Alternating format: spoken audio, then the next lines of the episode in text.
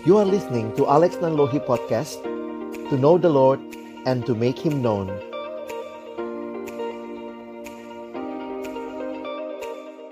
Kita berdoa sebelum kita membaca merenungkan firman Tuhan. Tuhan terima kasih untuk kasih setiamu yang tidak pernah meninggalkan kami. Termasuk di dalam kami hadir di satu kesempatan menikmati persekutuan di kampus yang Tuhan berikan kepada kami. Kami sadar betul tidak ada hal yang kebe terjadi kebetulan dalam hidup ini dan karena itu kami mau memuliakan Engkau, meninggikan namamu dan rindu siang hari ini. Sapalah kami melalui kebenaran firman-Mu ya Tuhan sehingga bisa menolong kami juga, meneguhkan kami untuk menjalani hari-hari kami ke depan. Waktu ke depan kami persembahkan dalam tangan pengasihan-Mu di dalam satu nama yang kudus. Nama Tuhan kami Yesus Kristus kami menyerahkan pemberitaan firman-Mu. Amin. Shalom teman-teman sekalian. Wow, senang banget hari ini bisa ketemu. Ini namanya ber, berzumpa ya. Jadi ketemunya lewat Zoom. Boleh ber, eh, berzumpa dengan teman-teman sekalian dari berbagai tempat tadi ya, lokasi-lokasi bukan hanya di Jakarta, mungkin Bekasi, Tangerang dan sekitarnya tapi juga dari ada dari Bandung tadi gitu ya. Nah, teman-teman saya bersyukur kepada Tuhan. Saya perkenalan dulu saya Alex Nanlohi dan saat ini saya melayani dalam pelayanan siswa dan mahasiswa Kristen di Jakarta dan kesempatan ini boleh sharing firman Tuhan dengan teman-teman sekalian satu kehormatan yang Tuhan berikan. Nah, tema kita pada hari ini saya coba share ya. Nah, Hari ini kita mau bahas satu tema yang menarik karena ini bicara tentang family, wes. Together with family of Christ. Maaf, saya cari-cari foto. Ini deh foto kakak-kakakmu, koko cici, abang kakak yang pernah menikmati kehadiran persekutuan oikumene di Binus begitu ya. Saya bersyukur juga melihat bagaimana generasi demi generasi Tuhan hadirkan. Welcome to Binus University gitu ya. Nah, pasti punya banyak mimpi, banyak cita-cita mengawali semua yang teman-teman sedang jalani. Mungkin bayanganmu, wow, di kampus asik ya. Ini mungkin bayangan kita kalau kita bisa offline. Tapi ya realitanya begini teman-teman ya. Wah, belajarnya memang masih online walaupun nanti akan dipikirkan mungkin ada hybrid atau seterusnya. Tetapi juga tidak sedikit dari teman-teman yang mungkin juga mengalami pergumulan ketika harus online ini. Dan ini juga mungkin buat kalian yang baru selesai SMA. Kalian kan lulusan COVID gitu ya. Jadi masa-masa lulusan wisuda SMA-nya semua pakai lulusan uh, pakai Zoom dan sebagainya. Ini membuat kita menyadari bahwa iya ya banyak hal yang kita masih nggak tahu. Kita tuh belum ada yang terlalu ahli dalam COVID ini begitu ya terlalu ahli dalam realita yang terjadi, apalagi memasuki sebuah uh, jenjang pendidikan yang selanjutnya, sehingga mungkin kalian juga akan bertanya-tanya, "What next? Ini gimana nih? Menjalaninya seperti apa?" Ada banyak hal yang saya yakin dari kampus sudah berikan mungkin bagaimana cara belajar, bagaimana cara survive di tengah pandemi ini, bagaimana kita bisa orientasi sehingga teman-teman mengenal kehidupan kampus walaupun secara virtual, tetapi juga hari ini ya, kalian juga dapat kesempatan menikmati nah persekutuan oikumene binus atau yang kita kenal dengan nama PO binus. Teman-teman, segala ketakutan yang kita alami, segala ketidakmengertian kita tentang what next, segala ketidakpastian yang mungkin masih membingungkan kita. Tapi satu hal saya coba pikir gitu ya. Kenapa Tuhan hadirkan juga sebuah persekutuan oikumene berarti dari berbagai latar belakang denominasi, sebuah persekutuan yang tidak di bawah gereja tertentu karena kita adalah dari berbagai latar belakang dan teman-teman ini yang kita syukuri bahwa di Binus ada PO, ada persekutuan oikumene. Saya tidak tahu apa yang muncul di pikiranmu kalau dengar istilah persekutuan atau dengar istilah komunitas. Saya pikir mungkin kalau kamu punya memori yang baik, waktu mungkin SMA pernah ikut persekutuan, pernah ikut fellowship, pernah ikut uh, kelompok tumbuh bersama, cell group, wah itu mungkin kamu dapat konteks yang bagus. Wow, indah ya persekutuan itu, indah ya komunitas itu. Tapi mungkin juga ada yang pernah kecewa karena mungkin persekutuannya yang dia pernah ikuti, dia pernah jalani, tidak seperti yang dia bayangkan. Tetapi kayak saya ingin mengajak kita melihat begitu ya, bahwa apa sih sebenarnya maksud kehadiran sebuah persekutuan yang Tuhan hadirkan bagi kita. Saya meyakini begini teman-teman ya, sebagaimana kehidupan jasmania kehidupan kita manusia, kalau kita lahir, maka pastinya kita akan lahir di dalam sebuah keluarga, unit terkecil. Bahwa ada orang tua, ada ayah, ada ibu, kalau mungkin juga punya kakak atau punya adik. Sebenarnya waktu kita hadir di dalam dunia ini, Tuhan memberikan kepada kita sebuah keluarga. Nah, ada realita yang menarik yang saya harap kita tidak lupakan, bahwa Tuhan juga yang ketika kita dilahirkan baru. Wah, itu istilah ketika kita dilahirkan di dalam Kristus. Ketika kita percaya kepada Tuhan, maka Tuhan membawa kita juga dilahirkan ke dalam sebuah keluarga rohani yang baru. Nah, kalau tadi keluarganya itu karena pertalian darah, ikatan darah, ikatan cinta gitu ya. Nah, tetapi ketika kita lahir baru di dalam kerohanian, Tuhan juga memberikan kepada kita keluarga yang baru secara rohani. Welcome to God's family.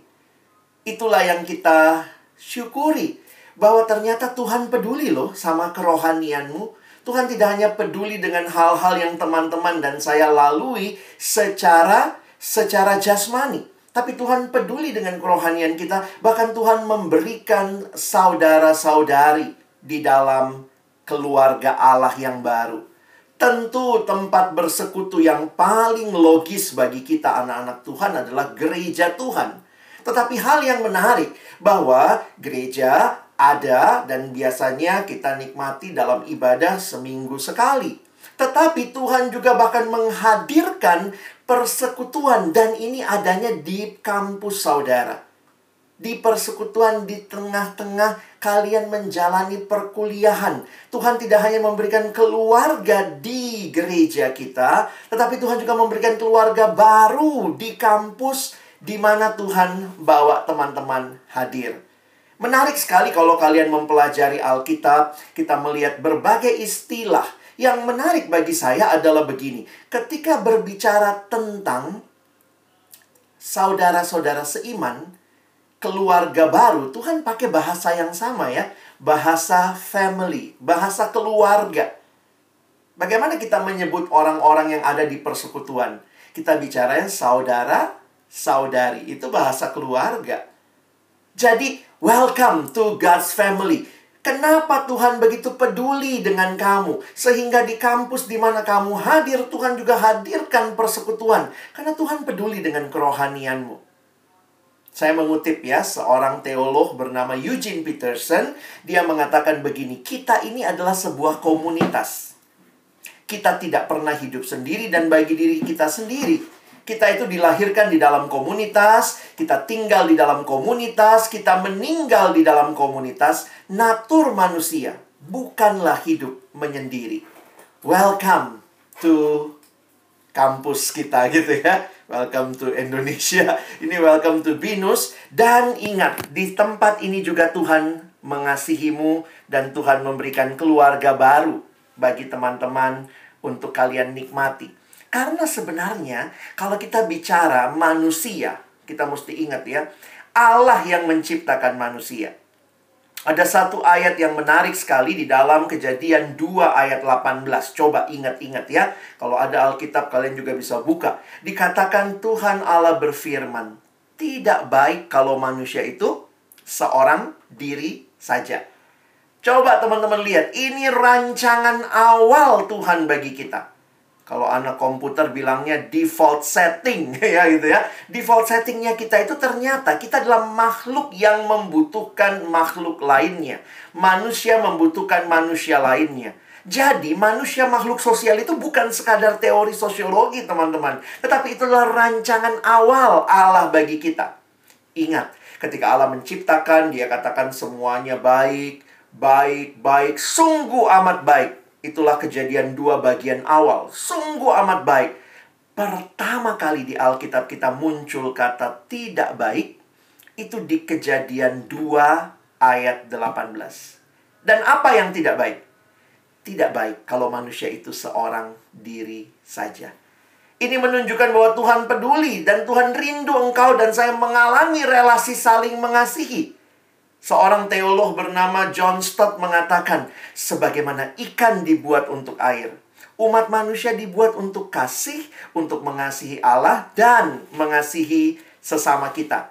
Karena itu bersyukurlah Tuhan kasih kita persekutuan orang percaya yang di dalamnya kita menjadi saudara, sahabat, orang-orang yang sama-sama mengenal Tuhan dan rindu bertumbuh di dalam Tuhan. Teman-teman, kita itu secara jasmani pengennya bertumbuh. Iya dong. Nggak ada ya orang tua yang pengen anaknya kecil terus. Nggak ada, nggak ada. Yang namanya orang tua, emang sih kadang-kadang saya lihat teman saya bikin status di FB-nya atau mungkin status di IG. Please nak, do not grow too fast gitu ya. Anaknya ulang tahun 3 tahun, 4 tahun. Jangan cepet-cepet gede dong gitu ya Betul, ada keinginan-keinginan begitu oleh orang tua. Tetapi saya pikir orang tua yang normal pingin anaknya bertumbuh. Nggak ada tuh orang tua yang bilang anaknya, oke deh, nggak usah tumbuh. Malah kalau nggak bertumbuh, orang tua akan bawa ke ke dokter. Something wrong.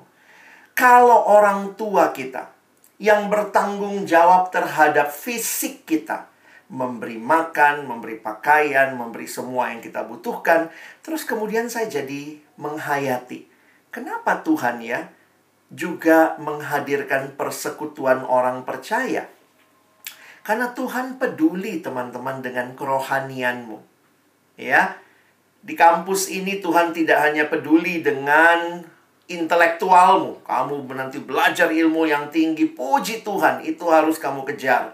Tetapi Tuhan yang sama yang mengasihimu, juga Tuhan yang memanggilmu untuk bertumbuh secara rohani di mana wadahnya?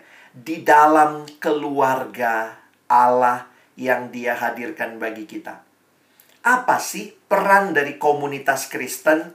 Nah, dalam sebuah tulisan yang ditulis oleh seorang pendeta teolog bernama Timothy Keller, dia memberikan tiga hal berkaitan dengan peran komunitas Kristen. Jadi teman-teman jangan pikir gini, ih kayak nggak ada kerjaan aja di SMA ada kebaktian. Eh, masuk kampus ada kebaktiannya juga gitu ya. Nah, ini Tuhan yang berikan buat kita. Tuhan yang hadirkan bagi kita. Yang pertama dikatakan bahwa kita tuh tidak dapat mengenal Allah terpisah dari komunitas. Jadi teman-teman engkau mau kenal Allah, engkau mau terus bertumbuh dalam Tuhan, nikmati karena Allah memakai komunitas untuk kita bertumbuh dan mengenal Dia. Yang kedua, kita itu tidak dapat mengalami perubahan yang dalam terpisah dari komunitas. Bersyukur Tuhan kasih komunitas yang di dalamnya saling menopang, saling mengingatkan. Mungkin kamu bilang tadi, aduh aku takut nih masuk kampus baru. Aku tidak tahu bagaimana sistemnya. Aduh bagaimana, dosen mungkin gak segampang itu kita ajak ngobrol.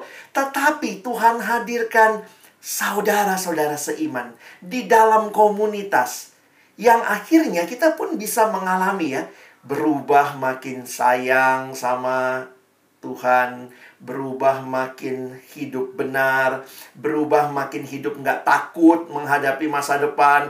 Kita kemudian dapat sharing dari teman-teman kita satu sama lain yang akhirnya komunitas ini yang Tuhan pakai untuk membawa kita mengalami perubahan.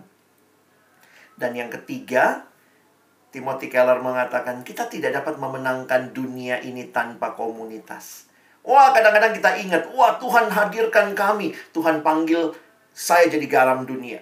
Tuhan panggil saya jadi terang dunia. Teman-teman, waktu saya renungkan ayat itu, kadang-kadang kita tuh suka lupa baca secara mendetail.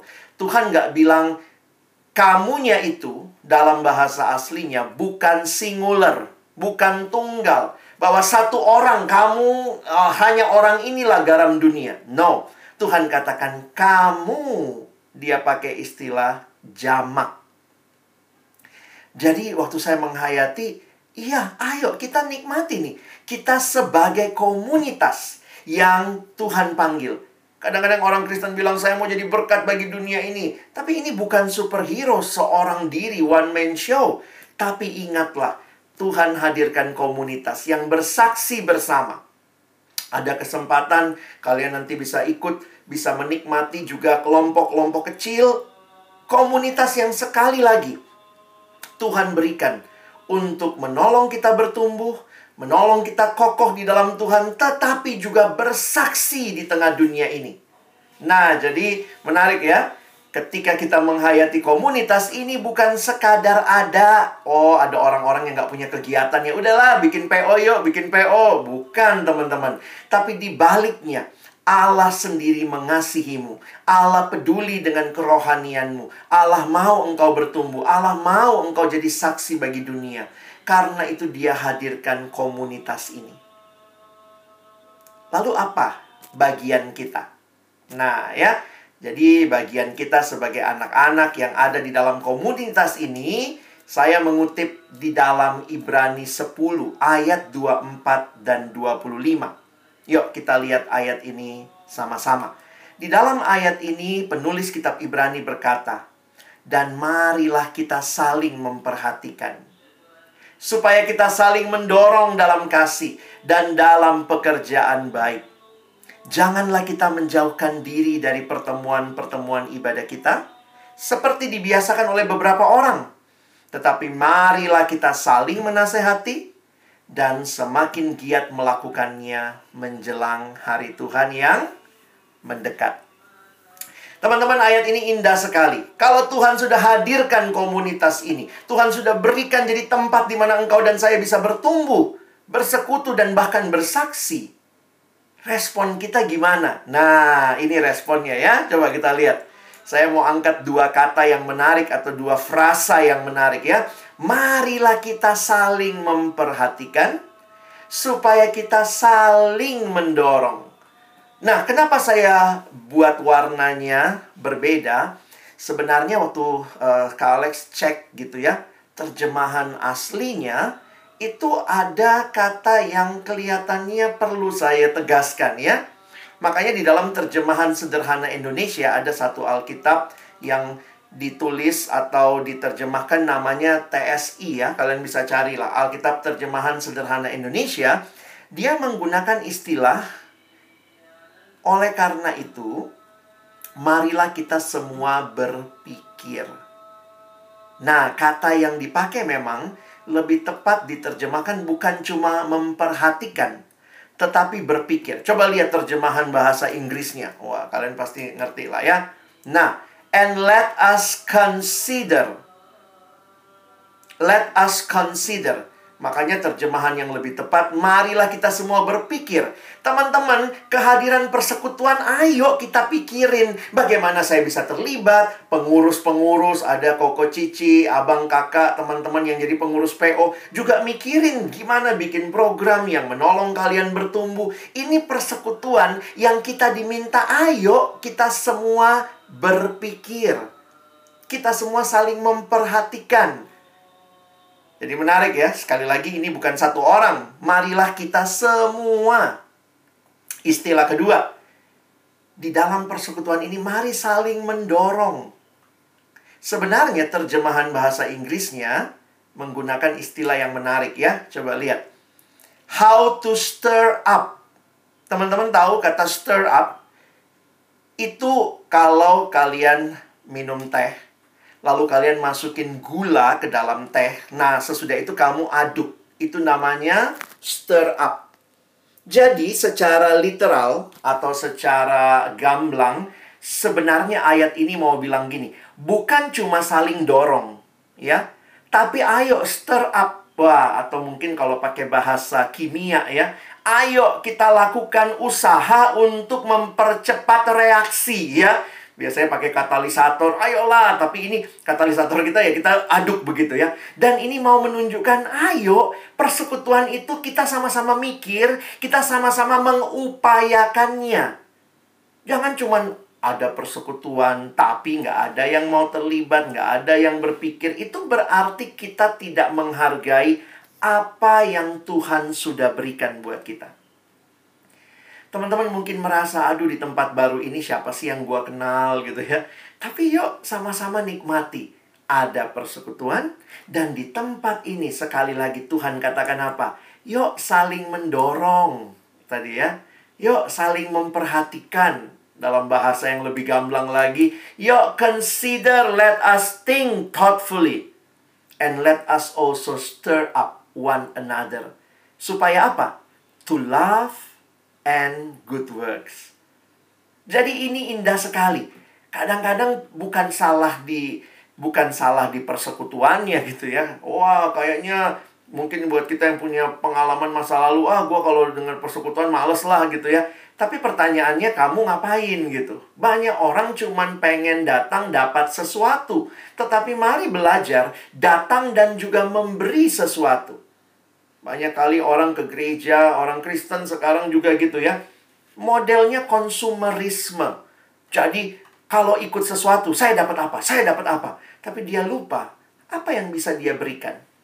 Paling sederhana, mungkin kamu belum jadi apa-apa, tapi kehadiranmu, kamu ikut berdoa, kamu ikut merindukan, ya itu kontribusi kan? Jangan jadi spiritual consumer. Be a spiritual contributor. Karena di sinilah Tuhan menghadirkan kita.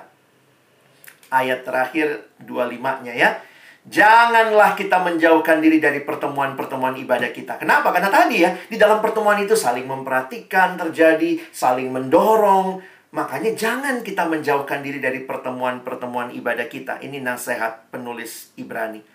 Seperti dibiasakan oleh beberapa orang. Oh, dari dulu ada yang suka males ya. Jadi diingetin Yuk, jangan menjauhkan diri.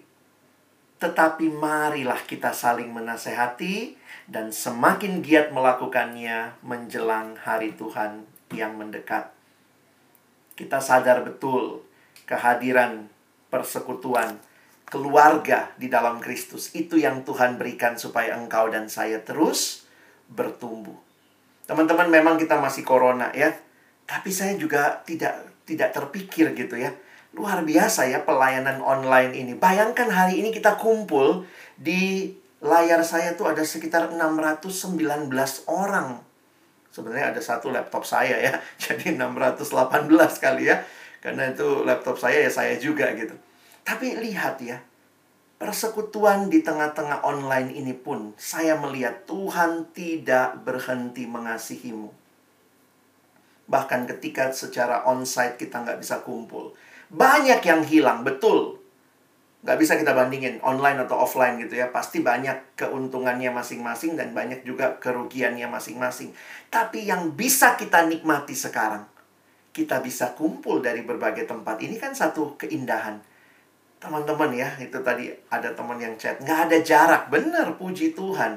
Dan karena itu, ayo bertumbuhlah dalam komunitas dalam keluarga baru yang Tuhan hadirkan bagimu. Saya rindu teman-teman kita boleh share sebentar ya. Yuk sama-sama kita boleh share doa kita. Apa doamu mengawali kuliahmu di kampus ini? Nah, saya akan kasih kesempatan teman-teman boleh akses di kesempatan kamu ngisi ya. Silakan ini ada Padlet Kalian bisa coba share di sini. Silahkan apa yang mungkin kalian nikmati. Mari kita doakan saja apa yang mungkin jadi ada yang mungkin punya ketakutan. Tuhan tolong saya. Silakan teman-teman boleh tulis apa yang menjadi doamu mengawali perkuliahanmu di kampus ini. Setelah kamu dengar firman juga mungkin ada respon doa yang kamu mau sampaikan, silakan kamu tuliskan. Gak usah pakai nama, nggak apa-apa ya. Ini adalah respon. Silakan kalau mungkin kalian mau menuliskan dan saya kasih waktu. Kalian bisa like juga doa temanmu ya. Mana tahu kamu bilang itu juga doa saya gitu. Silakan kalian bisa coba share dan saya rindu ini boleh jadi sama-sama kita memulai sebagai keluarga ya. Yuk kita saling mendoakan. Yuk kita saling share. Kak Alex tunggu 1-2 menit ke depan. Silakan apa pun yang muncul di benakmu yang kau mau sampaikan kepada Tuhan dan silakan nanti teman-teman yang lain bisa juga ikut mendoakan. Padletnya tetap saya buka sehingga teman-teman kapan pun kalau kita mau masuk lagi kita bisa berdoa, mendoakan teman kita, kita bisa mendoakan satu sama lain juga. Itulah keluarga ya. Ada yang mungkin, aduh gue takut banget nih, gimana? Ayo yang lain kasih like deh gitu ya. I pray for you. Inilah keluarga yang Tuhan hadirkan. Dan hari ini, wow, keluarga kita 600-an lebih gitu ya. Nikmati, pakai kesempatan ini untuk membangun diri di dalam Tuhan dan di dalam kebenarannya. Saya kasih waktu, teman-teman masih boleh nulis. Dan nanti sesudah itu Kak Alex akan tutup dalam doa. Tuhan terima kasih banyak. Kami sudah belajar firman-Mu. Kami mensyukuri penyertaan-Mu yang tidak berhenti. Mungkin kami datang dengan ketakutan. Kami belum tahu bagaimana beradaptasi. Tapi kehadiran Tuhan itu nyata dan memimpin kami. Dan bahkan kehadiran saudara-saudara seiman. Itu juga begitu nyata menjadi kehadiran yang menguatkan kami. Bahwa di tempat kami berkuliah, Tuhan pun menghadirkan orang-orang yang mengasihi kami. Yang satu sama lain boleh saling membangun, saling mendukung, saling sharing, saling mendoakan. Dan kerinduan kami, tolong kami boleh menikmati keluarga baru yang Tuhan berikan bagi kami di kampus ini. Sekali lagi kami bersyukur juga untuk setiap anak-anakmu yang boleh menyampaikan responnya, doanya. Dan tolong kami bisa terus saling membangun, saling mendukung, saling mendoakan. Kami bersyukur untuk kesempatan belajar firman-Mu. Dalam nama Yesus kami sudah berdoa dan kami bersyukur. Amin.